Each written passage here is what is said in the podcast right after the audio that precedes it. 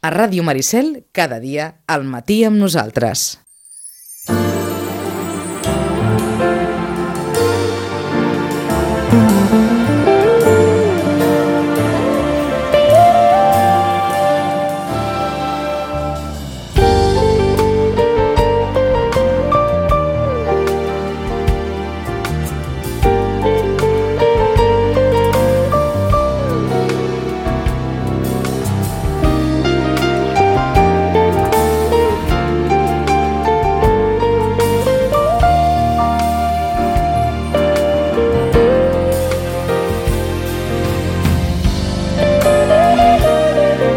Doncs Joaquim Millan, bon dia. Molt bon dia. Mm, et veies a venir el que ha passat a Itàlia? Bueno, en, en part sí i en part no. Eh? En part sí perquè ja sabem que Itàlia sempre hi ha, és una cosa tradicional, eh? inclús els titulars ja deien una altra vegada eh? tenim un altre, un altre escenari italià sense majories clares, complexa, etc etc. I per tant donàvem per sentat que, que no hi haurien uns resultats eh, amb una foto finish fixa eh, amb uns guanyadors concrets o amb algú que pogués d'alguna manera tindre l'autoritat moral per dir, bueno, escolta, m'he tret una diferència notable, no suficient, però notable per, no?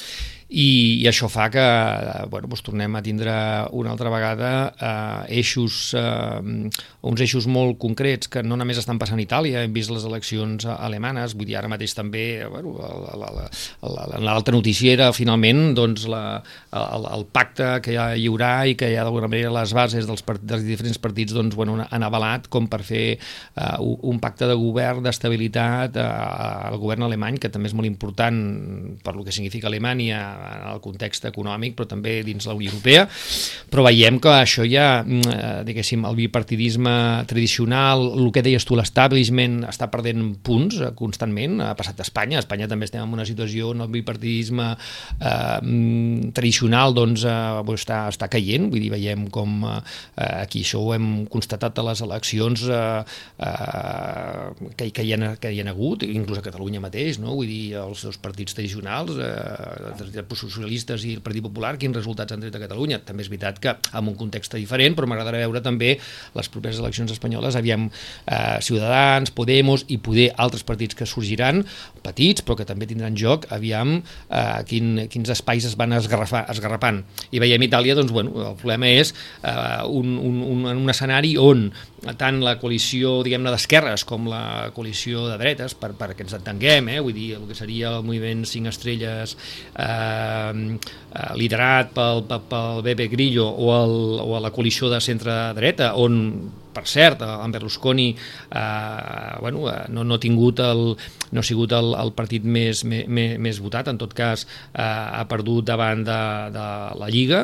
Eh, veurem també que, que han jugat unes cartes molt antieuropees, perquè ens entenguem, eh? euroscepticisme, mm, eh, no a més integració europea, el tema immigració ha sortit eh, també amb uns tics que a mi no m'agraden, eh, no integració, només integració europea, mm, molts problemes, posem-li el nom, tot el problema econòmic, el problema és l'euro, etc etc. Vull dir, també ha sigut una mica una demagògia eh, durant la campanya que a mi eh, no m'agrada perquè, entre altres coses, vull dir, eh, fa que després tinguem resultats que després ara veurem a l'hora de governar, eh, les promeses electorals i la realitat, eh, al final... La... Bueno, diuen que no es pot formar govern, tal clar, com està la com, com, com, no? Comencem per aquí, no? Vull dir que, però, però alguna cosa es farà, no? Perquè és clar que si no, al final... O no. Eh, o no, eh, o no, també.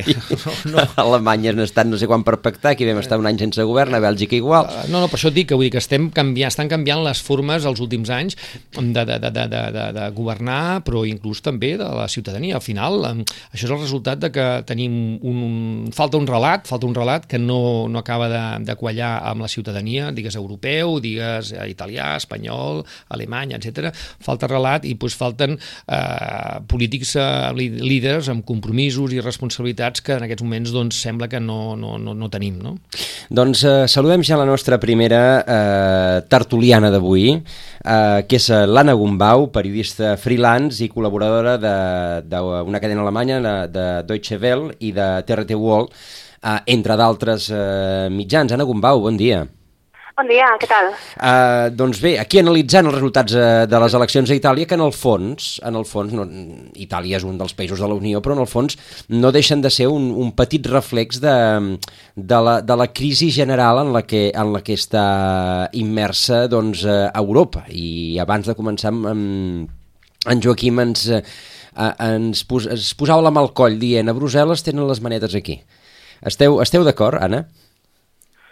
Um, sí, jo he, he estat seguint molt, molt de prop el que està passant a Itàlia, vull dir, he tingut uh -huh. molts, molts vincles amb, amb, amb Itàlia, etc. i una mica el que, el que me n'adono és que és un vot de rebuig, no? Rebuig d'una banda, diguem, al, a l'establishment um, i tot el que suposa allà a Itàlia, és a dir, tot el que vindria a ser, doncs, eh, desigualtats, corrupció, etc i també rebuts el que vindria a ser, eh, sí, com, com s'ha gestionat la crisi dels refugiats, que Itàlia doncs, ha estat una, un dels països que ha sortit doncs, més, eh, més perjudicat i que ha estat clau no, en tota la crisi. Per tant, sí, um, el que vindria a ser populisme um, han sortit reforçats. Pensàvem que Bé, que amb l'elecció de Macron, que el fet doncs, que, que en altres països doncs, s'havia dit que s'havien derrotat no, les forces populistes l'any passat, doncs sembla que han tornat a ressorgir i amb força. No? Itàlia és un, és un exemple en aquest sentit. Podem, podem definir els cinc estrelles com a populisme? No, és, és a dir, sí, sí, jo, no és una definició que una mica em traig jo mateixa de la màniga, no? sinó uh -huh. que és mhm. un una definició doncs, que, que ha estat acceptada, no? És a dir, és una mica un partit que no és ni d'esquerres ni de dretes, no? que, que se'n diu, i així és com, com, com es denominen ells, però, però és una mica el, el, el partit del poble, el partit de la ciutadania, aquesta democràcia directa i de vegades doncs, també trobar solucions fàcils a problemes que potser són, són més complexos, no? Mm -hmm. De tota manera, el, el que, la, la lliçó italiana ara, ara mateix, a, a partir d'aquests resultats, eh, és, per, per una banda, doncs el que comentàveu, la, la, aquest eh, enfonsament, o enfonsament no, però, però aquesta baixada important de l'establishment, dels partits de, tant del, del centre-dreta tradicional com del centre-esquerra o dels socialdemòcrates, Um, I per altra banda, doncs, el ressorgiment a banda i banda de l'espectre de, de receptes, eh, unes precisament contra l'establishment, que vindrien més de l'esquerra, o unes altres contra de tancament en si mateixos i contra la immigració, que vindrien més de la part de la dreta. Però, però en el fons eh, ens trobem que que, que a poc a poc ens anem instal·lant en uns extrems perquè, diguem, el centre no ens ha donat respostes. Sí, sí, i en altres països d'Europa doncs s'ha vist, no? Ara que comencem a tenir forces d'extrema dreta a governs europeus, de nou, doncs, és una situació preocupant. Um, uh, el cas d'Itàlia, doncs, um, doncs bé, uh, Sí, tenen, tenen eh, una, certa, una certa complexitat, i tindran complexitat fins i tot a l'hora de formar govern, però fins i tot per, per, per vestir, per articular una, eh, una proposta de, de progra programàtica per, per, per tirar endavant, perquè és, és, es veu, es veu com, complicat amb, amb l'amalgama de, eh, de, de colors que hi ha eh, en aquesta, a, a partir d'aquests resultats.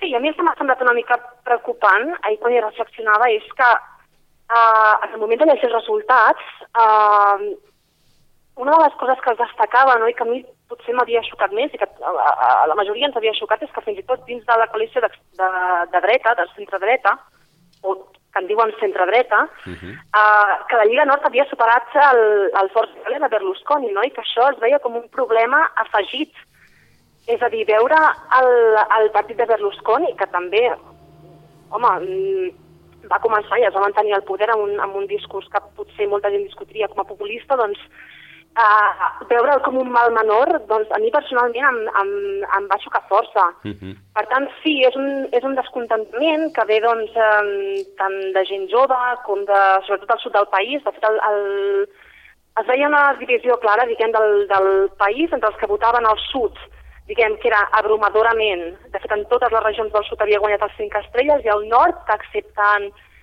en dues regions que havia guanyat el Partit Democràtic, que havia guanyat eh, la coalició de centre-dreta, però especialment la, la Lliga Nord, no? Mm -hmm. Sí, en el fons eh, s'han dibuixat dues Itàlies, que són les dues Itàlies tradicionals, també, en aquest, en aquest sentit. La Itàlia del nord, la Itàlia, el, eh, diguem, alpina piemontesa, i l'Alta- la Itàlia del sud, la Itàlia de Nàpols. De totes maneres, jo penso que també, no sé si l'Anna coincideix, que amb aquesta campanya que, que, que hem vist, eh, el- els missatges finalment per arribar a la ciutadania s'han anat radicalitzant. Això també penso que és, és un problema, perquè una vegada tu has radicalitzat el teu missatge en campanya, eh, has, has generat unes expectatives, possiblement eh, la gent ha votat eh, pensant, bueno, escolta, estic cansat de lo tradicional, de l'establishment, de l'ordeno i mando, etc etc. anem a votar alguna cosa diferent i poder també és veritat que en una situació eh, que patim, especialment als països del sud d'Europa, d'un patiment de, de lo que ha sigut les retallades després de la crisi, amb una crisi que no hem acabat, etc etc. doncs, eh, bueno, a vegades eh, ens genera curiositat el votar mm, o donar suport a, a, a idees més radicals que amb el sentit de, bueno, canviarem les coses, que tampoc, a la veritat tampoc és tan fàcil. Però jo penso que estem també, el que deies tu i el que deia l'Anna, en, un, en una situació on no hi ha majories clares, on deia l'Anna també és veritat que amb els centres a dreta doncs, el Berlusconi ha punxat, on també s'ha de dir doncs, eh, el gran derrotat ha sigut el Partit Demòcrata del Matteo Renzi, eh, vull dir que m'he donat, vull dir també eh, això també ha influït en, en que s'ha radicalitzat la campanya amb les dues bandes. I veurem també com eh, mm, això es va coent i trobem una, una sortida que diguem-ne de governabilitat perquè hem de recordar, i no sé l'Anna què pensa aquí, que, que em deies tu també Joan, a la Unió Europea s'ho està mirant i mirant amb interès, pensem que Itàlia és la tercera economia de la Unió Europea poca broma, eh? la tercera economia de la Unió Europea eh, i bueno, això també, això també és un important eh?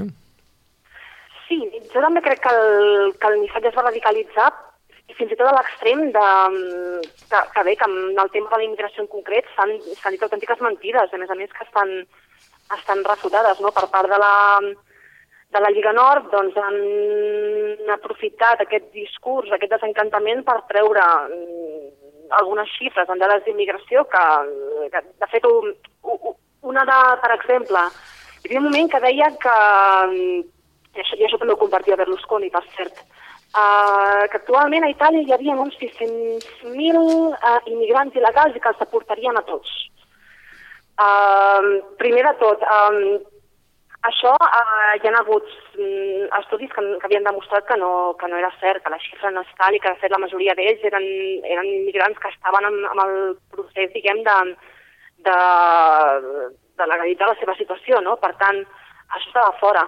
D'altra banda, eh, amb el cost que comportava, eh, que, que comportaria en un cas molt, molt, molt hipotètic, de portar de nou tots aquests migrants als seus països d'origen, són unes despeses que Itàlia mm, no es pot permetre pel, pel deute que té el seu sector públic, no? Um, però bé, uh, això fa una mica de, de, de comparació doncs, amb, amb antigues campanyes que hem vist, no? tant de Brexit com de Trump, etc etc. no? En el cas de la Lliga, havíem, com, havien començat, diguem, en els seus primers anys, doncs, clarament amb, amb la retòrica aquesta independentista, de la pedània, etc i una mica s'han anat allunyant i han vist en, en digue-li, moviment o, o bé, amb aquest sentiment anti- antiimmigració, doncs el, una mica un, un nínxol, no? I això sí, sí, a la llarga doncs, eh, afectarà Europa. Mm, Personalment no tinc la sensació que això a la llarga o, o al final aporti canvis tan, tan, tan dràstics per Europa, però sí que és veritat que potser, tal com estan les coses, mm, és difícil que Itàlia doncs, prengui uh, un lideratge o un paper important en les reformes de, tant a nivell d'eurozona com la Unió Europea, diguem, en el seu conjunt que, que s'estaven veient a l'horitzó. Per tant, sí, és un, un retrocés en aquest sentit. Mhm. A veure, no oblidem que Itàlia és el país del gato pardo, és aquell Sí. país del... Eh, clar, és aquell país del, del to- toquem-ho tot per no canviar res, oi? I de fet ho han fet, Sí. ho han fet lla- llargament i tenen una llarga experiència en tota la seva història de fer això. És allò del el país funciona, manca la política, Sí, no? sí, sí. I, Exacte, sí, que al final, vull dir, no és ni la primera vegada que, que hi ha hagut forces populistes al país i ni la primera vegada que hi ha hagut inestabilitat o incertesa que es formi govern, Sí, a no? Itàlia, Itàlia en això no tenen, uh, no tenen problemes. El que, el que sí que en algun, en algun lloc hem llegit um, ha estat un vot um, majoritàriament jove, és a dir, els joves han anat més a votar uh, o més a intentar canviar alguna cosa o més a protestar que, que en altres eleccions, i de fet el, eh, eh, aquest, aquest vot més cap, a, cap als extrems, a una banda i l'altra, eh, es vincularia a un creixement del, del vot jove, doncs el jove que, que té menys eh, expectatives de futur, el jove que no té treball. Hi ha un vot jove de protesta aquí? Um, jo, una mica pel que, pel que m'he estat fixant, perquè ja dic que, bé, he passat molts estudis a Itàlia, he tingut molts projectes allà, per tant, tinc, tinc moltes amistats allà. Um, comparant una mica amb, amb altres situacions, com amb, amb, la, amb el Brexit, l'elecció de Trump, per exemple, que veia, diguem, el meu cercle d'amistats com molt, diguem, sí, però Remain o, diguem, en contra de, en contra de Trump. Uh -huh. En aquestes eleccions a mi m'ha sorprès molt a, a Itàlia que primer la majoria de gent que conec se sentia realment molt, apà molt apàtica, um, sobretot la gent jove, de realment doncs, no saber què votar, a veure si potser cinc estrelles com a única opció, diguem, d'un canvi de possibilitat de donar de confiança, però en, realitat jo els veia com que ostres, realment no tinc gens de ganes que arribi el 4 de, el 4 de març, no? Uh -huh. I ja passades les eleccions, les reaccions que deia de, per xarxes socials eren, de fet, molt dividides. Des de gent que deia com de què diantres ha passat aquí, estic desesperat, no entenc res, vull marxar d'aquest país, és gent de dir que deia, bueno, el, el canvi potser està més a prop, ha arribat i, i potser tindrem tindríem, o podríem tenir una Itàlia més democràtica o hi ha senyals de, de canvi, no? Per tant, no tot i que els cinc estrelles mobilitzi més la gent jove, no tinc la sensació que sigui ni, ni l'únic col·lectiu ni que tampoc els joves s'hagin mobilitzat massa. Al contrari, crec que hi ha hagut una certa apatia en aquest sentit. Eh? Uh -huh. De, de totes maneres, jo penso que mm, això també ens està, com deies també i hem estat dient durant aquesta estoneta, està canviant la foto, eh, la, la, o les diverses fotos dels diversos estats membres de la Unió Europea mm, que, que coneixem més, més de prop, Itàlia, Alemanya, Espanya, etc. Vull dir que, que està canviant la foto finish, no? Vull dir, estem canviant, mm -hmm. vull dir, s'està caient el bipartidisme, vull dir, el partidisme ara sembla que no és, està de moda, no és el bo, eh, per tant, entrem en, també en una fase de, de coalicions, de negociació, eleccions, això que aquí ara se'ns fa tan estrany i ara estan reunits negociant i ho veiem negatiu, doncs ens haurem d'anar acostumant. Vull dir, Catalunya és un exemple, eh? que a vegada que hi ha alguna cosa, fotem aquí i tal i qual, i resulta que mm, a Itàlia ara estan negociant, que portem aquí quasi cinc mesos on a Alemanya estan negociant, eh, i, i, bueno, i Espanya va estar un, un temps sense govern i van dir que fer unes altres eleccions, que llavors en, en Mariano sí que va ser eh, president. Vull dir, això ja portem un, una, hem començat una mica aquest nou segle amb una manera de fer les coses diferents mm. i això també ens hem de començar a acostumar que, bueno, doncs que hi haurà més sensibilitats, la, la, la, la societat és més diversa, més plural, els joves pugen amb força, eh, una mostra avui la tenim aquí amb l'Anna amb l'Anna Gombau, vull dir que, que, que amb idees, amb, amb, bueno, amb noves idees, amb noves maneres de fer, eh, on parlem d'empoderar la societat, en fi, jo crec que eh, amb, amb tipus d'economia diferent a la tradicional, vull dir, economia circular, col·laborativa, social, etc. Vull dir, jo crec que estan canviant molt les coses i estem en una època de canvis on van molt ràpid. Eh? Ho hem vist ara al Congrés al mòbil a Barcelona i la innovació està... Bueno, si tot el que hi, he, hi he pogut veure el tinguéssim al dia a dia, eh, sortiríem pel carrer i veuríem una societat diferent, perquè si poguéssim tindre-ho tot eh, eh, a, a l'hora. Mm, jo crec que estem en, en aquest punt i això pues, bueno, a vegades costa, costa, socialment costa, a la societat li costa, no? I a l'estalvisme també, perquè per poder, clar. Deies, Anna. Sí, en aquest sentit, eh, la, la pregunta és realment si els partits tradicionals que dèiem abans, no? si l'establishment es pot adaptar a, a tots aquests canvis amb, amb aquesta facilitat, no? Fet doncs, que, que, que bé, que, que les prioritats, els interessos canvin, que apareguin doncs, noves diguem, parelles de ball, no? I això doncs Itàlia és un, és un cas més, amb, sobretot amb el, amb el descalabro aquest del, del, del Partit Democràtic i de, de la socialdemocràcia a Europa en, en, en general. No, sense... Um, la, la pregunta, i, i en el fons que, que ja jo, en Joaquim Millán ho apuntava, uh, i la, els, aquests joves, aquests joves que, doncs, eh, apàtics o no apàtics, han estat sempre els capdavanters del projecte europeu com un projecte de futur. Aquests joves continuen creient en Europa, a partir també fins i tot de, de, eh, de com, de com s'està votant eh, o com s'està expressant eh, des del Brexit, que va ser un vot de jubilats, això va quedar molt clar, perquè els joves eren més, més favorables al Remain, eh, fins, a, fins a França, que, que en el fons Macron doncs, potser sí que va arrossegar una, una part de vot jove, a Alemanya, que hi ha hagut finalment la coalició, però el vot jove no sabem ben bé on està, eh, hi, ha, hi ha una... Eh, Europa ha deixat de ser sexy pels, eh, pels joves? um, és una mica la pregunta, del, la pregunta del milió, eh? Um, mira, amb, amb el cas italià en concret, um, hi havia un partit um, obertament pro-europeu presentant-se. Era el, un que es deia Més Europa, Più Europa, era, el liderava Emma Bonino, que va ser una antiga, una antiga comissària europea. Ostres! Sí, sí, sí. I, Mhm. sí, i, i en xarxes socials se'n se va donar molt de, se'n va donar molt de ressò. I al final, que jo sàpiga, va treure un 3% just de, dels vots. Mm. Um, és a dir, era un, una, és una líder política popular a Itàlia, a més a més mm, obertament diguem, a favor a, a la integració de d'immigrants d'immigrants a Itàlia i un programa doncs això, doncs obertament um, pro-europeu i a tot i nom del partit m'indicava, no? Uh, ho veia que comentaven també alguns companys en xarxes socials que deia, al- algú que deia, de, home, posar-li a Europa el teu propi partit veient com està l'opinió pública sobre Europa en general, potser era la millor idea. No tinc la sensació que sigui només una cosa de, una cosa de nom, eh? Però, però en certa manera em va fer, em va fer reflexionar. Um, al final, jo, jo crec que amb els joves, o sigui, um, pe- personalment no soc de les que comparteix aquesta idea de que sí, el relat de l'Europa com a solució a les grans guerres, etc i com a un oasi de més de 60 anys de pau, etc. No, no és que jo no el compri, vull dir, és un relat que mm, seria erroni, diguem, obviar-lo i oblidar-lo. De tota manera, sí que, i no només joves, mm, jo crec que en, en realitat és un descontentament general de la població, és que realment és aquesta tangibilitat realment de què, què és Europa, què fa Europa per nosaltres i de com, um, com percebem Europa. No crec que sigui tant una cosa de realment de oh, com Europa comunica, etc. no? sinó que um, realment, és a dir, el projecte inicial d'Europa eren unes elites polítiques que um, volien, tenia com a objectiu, últim aconseguir la pau al continent, Mhm.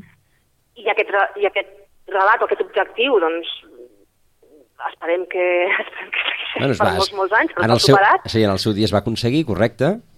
Sí, i que ara, doncs, dona, és a dir, d'un projecte d'elits, doncs, hem d'aconseguir saltar que sigui un projecte de ciutadania, no?, i que realment, doncs, uh, tinguem uh, més pes i més, i, i més dient el que vindria, vindria a ser Europa i en la construcció d'Europa, no? És a dir, que nosaltres eh, puguem construir-la.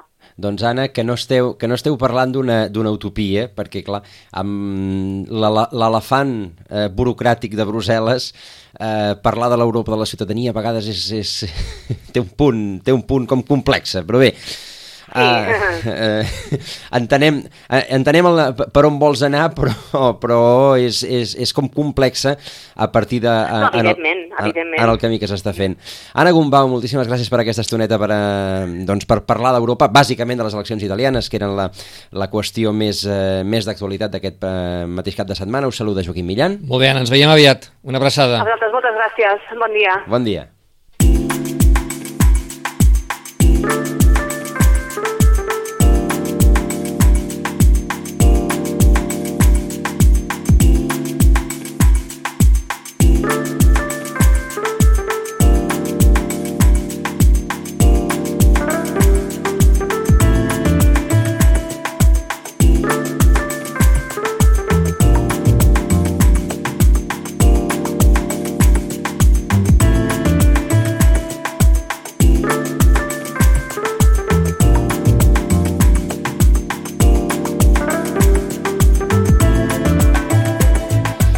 Doncs aquesta, aquesta Europa, ja fa temps que parlem amb en Joaquim, quan, en Joaquim va deixar de ser eh, proeuropeista incondicional, Eh, Vaig, que no- vaig passar a ser pro-europista crític positiu. Ah, exacte, sí, sí, però va No, ser... però sí, sí.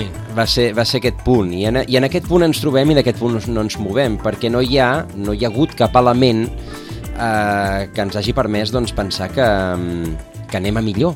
Bueno, més que millor, jo penso que el problema que tenim en aquests moments, no sé què en pensarà el nostre ara eh, convidat, en Jaume Ríos, però vull dir, el, el problema que tenim en aquests moments és que eh, Europa ha deixat de ser sexy perquè abans tenia un relat que era en positiu, que era un relat que era engrescador i, per tant, era un relat sexy.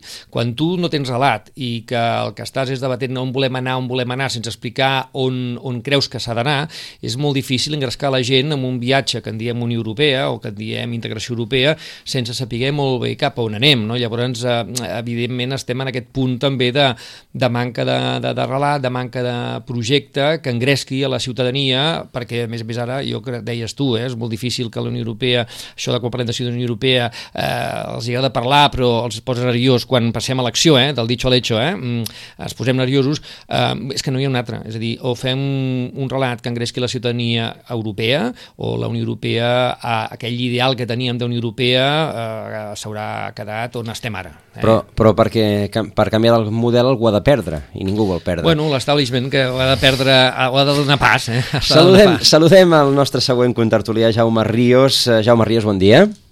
Bon dia. Uh, Jaume Ríos, que uh, ha estudiat Ciències Polítiques i de l'Administració a la Universitat Pompeu Fabra, és consultor i també, doncs, és jove que també eh, té aquesta variant d'edat, és, una, és interessant, pa, pa, especialment per temes que, que estem parlant avui. Heu escoltat en Joaquim Millan, com us presentava. Eh, és aquesta Europa encara, encara sexy, encara atractiva, especialment pel sector jove?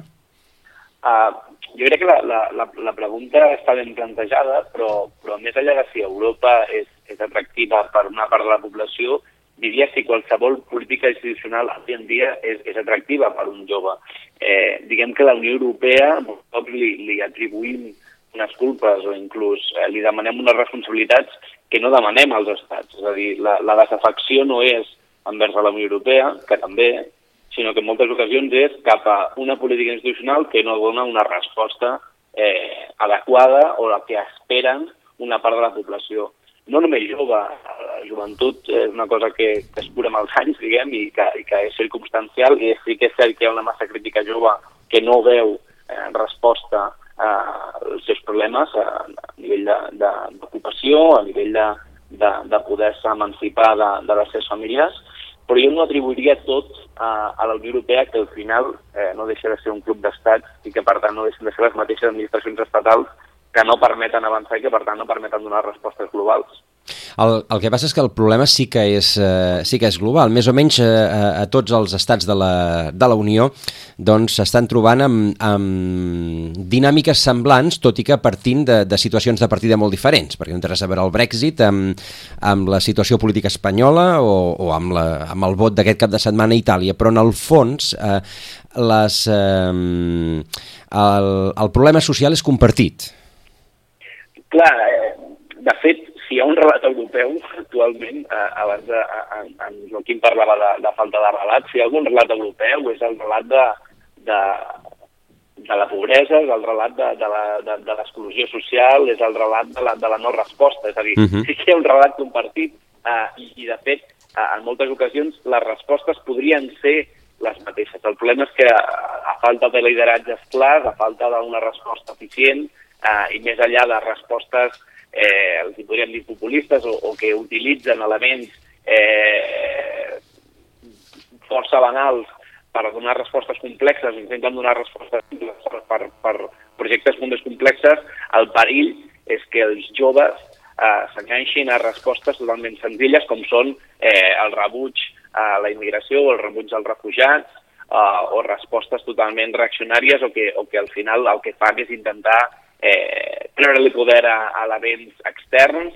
i es comprar cap a casa. No? Al final, eh, això ho diuen, ho han dit mil pensadors, no? al final l'autoritarisme és molt menys difícil de detectar quan no tens amb qui comparar-te. Uh -huh. La Unió Europea és un mirall. Eh, En el moment que tenim menys Unió Europea és molt més fàcil que sorgeixin autoritarismes. Uh, de tota manera, mm, sempre és més fàcil també eh, triar algú, sobretot quan, quan estàs matxacat, perquè ens entenguem, eh, és més fàcil triar, triar algú que diu el, que va a la contra directament, que no, que no el, algú que fa una proposta més propositiva, més... Eh... Totalment, totalment. I de, i de fet, el perill en perill, i que això també és un, un element compartit amb uns estats membres de la Unió Europea, és que la, la, la, la democràcia cristiana o el conservadorisme europeu eh, s'ha volgut acostar a aquestes respostes simples. Uh -huh. Per mi el fet que, que un polític com Berlusconi, eh, com la pròpia Merkel, eh, com la pròpia Theresa May, eh, donguin respostes tan dures a la immigració i als refugiats pel fet de que l'extrema dreta, que és existent en tots aquests països, no li resti terreny electoral, a part que em sembla una mirada a curt termini i un, i un, i un gest molt electoralista, té el perill de que l'extrema dreta eh, s'institucionalitzi, que per tant no estiguem parlant de forces extraparlamentàries que diuen bogeries a les xarxes socials, sinó que primers ministres europeus eh, fan seu el discurs de l'extrema dreta eh, per una por totalment electoral i que veuen que cada cop mengen més terreny, eh, diguéssim que el fet de que la Lega hagi passat per davant del partit de Berlusconi és un símptoma, uh -huh. eh, i això els altres líders conservadors europeus ho veuen i ho llegeixen per una lectura totalment eh, de por, no? encara que el, el, el portaveu de la Comissió Europea eh, ahir deia allò de keep calm and carry on, eh, la sensació no és gens aquesta, no és de carry on, és de pànic. Sí, però eh, en qualsevol cas el vot del ciutadà és legítim i si el, el ciutadà mm, no, no troba una alternativa a la por que li produeix una determinada situació, vota el que vota i, uh -huh. i, és, i, i és la institució la que és incapaç de, de donar-li la volta a la situació. Més, més enllà de que, de que ètica o moralment puguem pensar que, que el que estan dient és una bestiesa, eh, si la gent vota el que vota, ho vota per alguna cosa. Totalment. De, de fet, eh, jo crec que una, un dels grans anàlisis que es pot fer d'aquestes forces d'extrema dreta o directament xenòfobes és que no tenen un votant, eh, diguéssim, popularment o, o antigament de dretes. Uh -huh. Le Pen tenia votants eh, obrers, d'esquerres, eh, la Lega té, té votants d'esquerra. De fet, eh, avui eh, al Twitter he vist un, una evolució dels mapes del 90, des del 1994 fins, fins les eleccions d'aquest diumenge, de la transversalitat territorial de la Lega. És, és, és brutal eh, com ha crescut i ha passat de ser un partit regionalista al nord a ser un partit transversal a tot arreu, a totes les regions eh, italianes. També és cert que en el moment que partits tradicionalment socialdemòcrates o, o, o, o popularment dits d'esquerra, com és el Partit eh, Democràtic, viren al centre, com també va fer el Partit Laborista amb Tony Blair, eh, i com també ha fet, per exemple, els socialdemòcrates d'Alemanya eh, eh, quan han fet la gran coalició amb, el, amb, amb, amb, amb la CDU, el que ens trobem és que l'electorat d'esquerres, a falta de grans lideratges progressistes que viren cap al centre, inclús cap al centre-dreta, mm, busquen respostes més extremes. No? També un altre exemple molt clar d'aquest element, i que crec que és una, és, és una realitat que també reprodueix als Estats Units, era l'electorat compartit de Bernie Sanders i, i Donald Trump, no? Mm, Com al final els extrems es toquen, eh, i no vull dir, i no vull comparar, diguéssim, Bernie Sanders amb Donald Trump, ni molt menys, però sí que aquest electorat d'esquerres, en el moment que no va trobar una resposta amb Hillary Clinton, va directament a Donald Trump. Encara, encara que els valors puguin semblar incompatibles. Totalment, perquè al final el que estàs, el que estàs intentant eh, donar una resposta de rebuig a, al moviment de l'establishment i estàs intentant donar una resposta de que no tens alternativa. Uh -huh. Al final Hillary Clinton, per posar un exemple en europeu i perdoneu perquè avui volia parlar d'Europa... En absolut. Eh, però, però, però l'exemple de Hillary Clinton és molt clar. Clinton no era un, un, un símbol de, de progressista, no era un símbol d'una alternativa de poder, ni era un símbol de que les coses podien anar millor per les classes populars. Era un, era un símptoma de les, de les grans famílies americanes, de les grans fortunes americanes que un cop més es feien amb la, amb la Casa Blanca. Doncs bé, podem fer molts paral·lelismes aquest element a Europa i crec que el que ha passat a, a Itàlia, el que va passar amb el Brexit, el que va passar, diguéssim, la, la, la gran derrota de, de, de Schulz a, a Alemanya, ve una, ve una mica per aquí, com les classes populars no troben resposta amb la socialdemocràcia com la trobaven als anys 90 i la, les institucions europees poden fer alguna cosa per parar les institucions, estic parlant no només de les institucions europees, sinó dels, dels grans partits, que, que també en el fons no deixen de ser institucions, eh, per, per, per, per mm, revertir aquest, eh, aquest procés eh, en el que doncs, s'està doncs, entrant com si fos una espiral. I, i vull fer un apunt abans de que contesti Jaume, eh, tenint en compte, de més, perquè eh, poder els que ens estan escoltant això no ho tenen al calendari, el Jaume i jo sí, eh, que estem a un any i escaig d'eleccions europees, que vol dir que les grans famílies europees, que tu anaves per aquí amb la teva pregunta, Joan, eh, s'haurem de mobilitzar amb una campanya europea, en clau europea, eh, pel nou Parlament a 5 anys, eh, coincidint també amb un altre, amb un altre tema que m'agradaria el Jaume com ho valora, que és s'està obrint ja el nou, eh, el nou, la nova negociació del nou marc eh, financer plurianual, perquè ens estan escoltant els pressupostos de la Unió Europea es pacten a 7 anys, després es fan anuals, però el gran, la gran negociació és cada 7 anys, i ara toca també, no? i coincideix amb tot, no? Mm. Com ho veus, això? Perquè això és com una... Eh, vull dir, molta pressió aquí, ara. Hi haurà els propers mesos?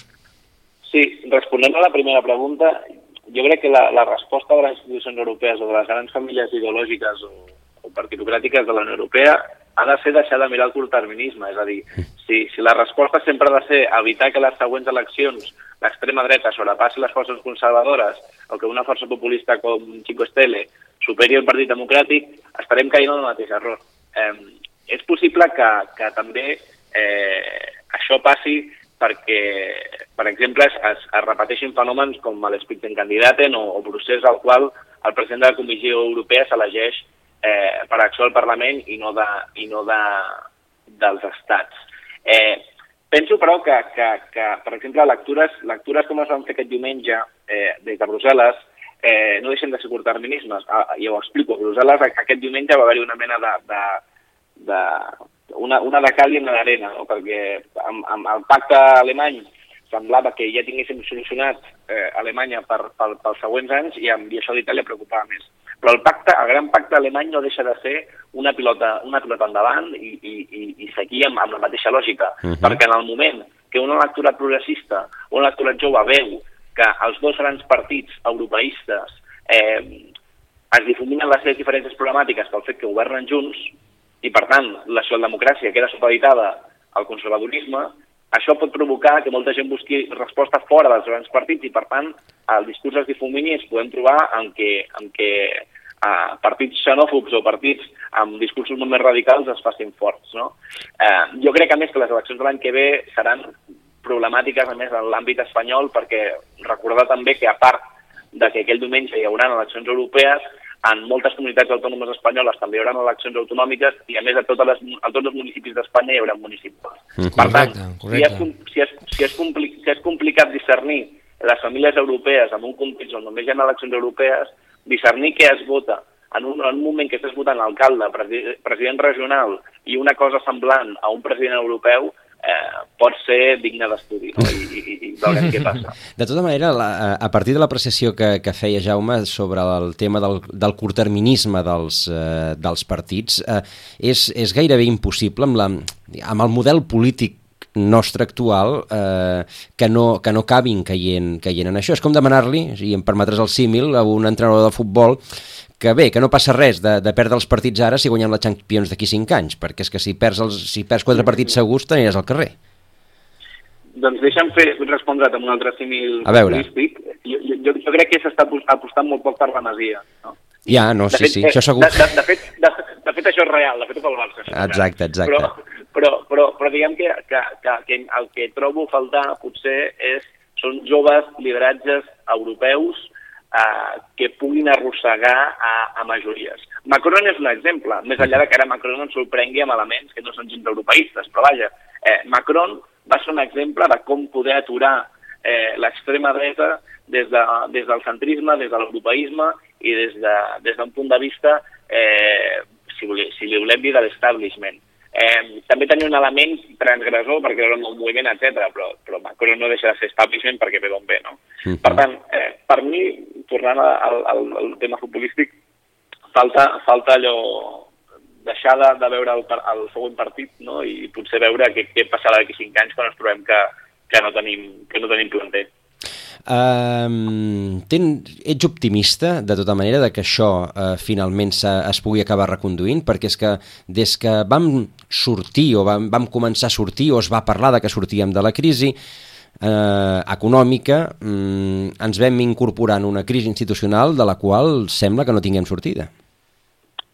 Jo crec que per força Europa se'n sortirà. Eh, no, no, no, no, òbviament no sé ni quan ni com, però, uh -huh. però el que sí que està clar és que eh, tota resposta populista crec que vindrà amb una onada de, de nous lideratges. Penso que els grans partits, si han de fer alguna cosa, o les grans famílies europees, també han de deixar pensar en contrapesos interns i en, i en tornar favors històrics i també en apostar talents interns que en tenen i que hi ha gent que s'està fent pas. Per mi, per exemple, és que Keller dels Verds és un gran exemple d'un partit que ha apostat per un talent eh, jove i per una persona que pot ser molt potent a, a, als propers anys. També, si per exemple Alde aposta com una persona per, per Vestager, que per mi és un, un que actualment és, és, és la, la, la, la comissària de competència de la Comissió Europea, eh, per mi és un gran valor eh, també, també europeu, no tan jove, però, però, però déu nhi Aquest tipus de lideratges, que per mi també han d'anar amb, un, amb un to femení, eh, crec que són positius i que mostren una mica el camí cap on la, la cosa. Uh -huh. Ara eh, has fet una, una darrera apreciació, un to femení, estem a la setmana del, del 8 de març, eh, probablement amb més, amb, amb més empoderament de, del sector femení les coses anirien millor? Perquè més enllà de Merkel... Més, més, que, més, que, més, que millor, més que millor seríem una societat més normalitzada, més uh -huh. justa i que faria les coses com haurien de fer, que és que el 50% de la població no estigui representada només pel fet de, de tenir un gènere diferent o, uh -huh. o ser dona, no? Segurament anirien diferent i com que estem en un plan que no estem massa bé, podria jo ser optimista i podria diferent i amb un plus, no? Un valor afegit i el valor afegit sempre és positiu.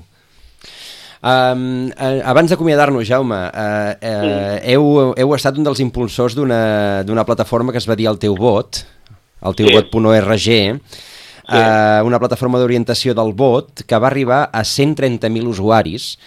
Uh, sí. Res, en, en un minut, va anar bé això? Va anar molt bé i, i, i m'agrada molt que m'ho preguntis. El teu vot va ser un projecte que ja vam iniciar el 2015, conjuntament amb Videograma, que és la consultora on treballo, uh -huh. i el teu Parlament, que era un col·lectiu de joves que promocionava la transparència al Parlament de Catalunya, i, i, va, i, i el 2015 vam tenir 40.000 usuaris i ens pensàvem que era una passada, no? Eh, I esperem el 2017 que pugem al C30.000, que per cert puja gairebé el 2% del cens de Catalunya, per tant, uh -huh. eh, rellevant. Crec que totes les eines que vagin a informar als votants i que creïn dreceres informatives perquè la gent no tingui la barrera de l'esforç per anar a votar i promogui la participació i sobretot eh, promogui el vot informat, són bones eines. Tant de bo tinguem una eina semblant a les eleccions europees. Uh, i, I molta gent es va trobar de dir, ostres, però si m'estan suggerint que voti amb aquests... Exacte, perquè moltes, les, les aplicacions d'orientació del vot no tenen en compte les línies vermelles que, correcte, que correcte. creuem entre partits, no? I al final eh, diguéssim, que tu et marquis una línia vermella per un eix territorial en un partit no vol dir que amb l'altre eix ideològic no hi tinguis molt en comú, per exemple. Uh -huh.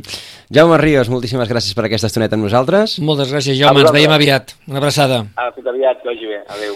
I a tu, Joaquim, doncs ens retrobem el mes que ve en un altre indret. I, i, amb, i amb més notícies. I amb més notícies, eh? perquè això, això no para. Moltes gràcies també a vostès per aquesta estona. Notícies amb Catalunya Informació i després més coses.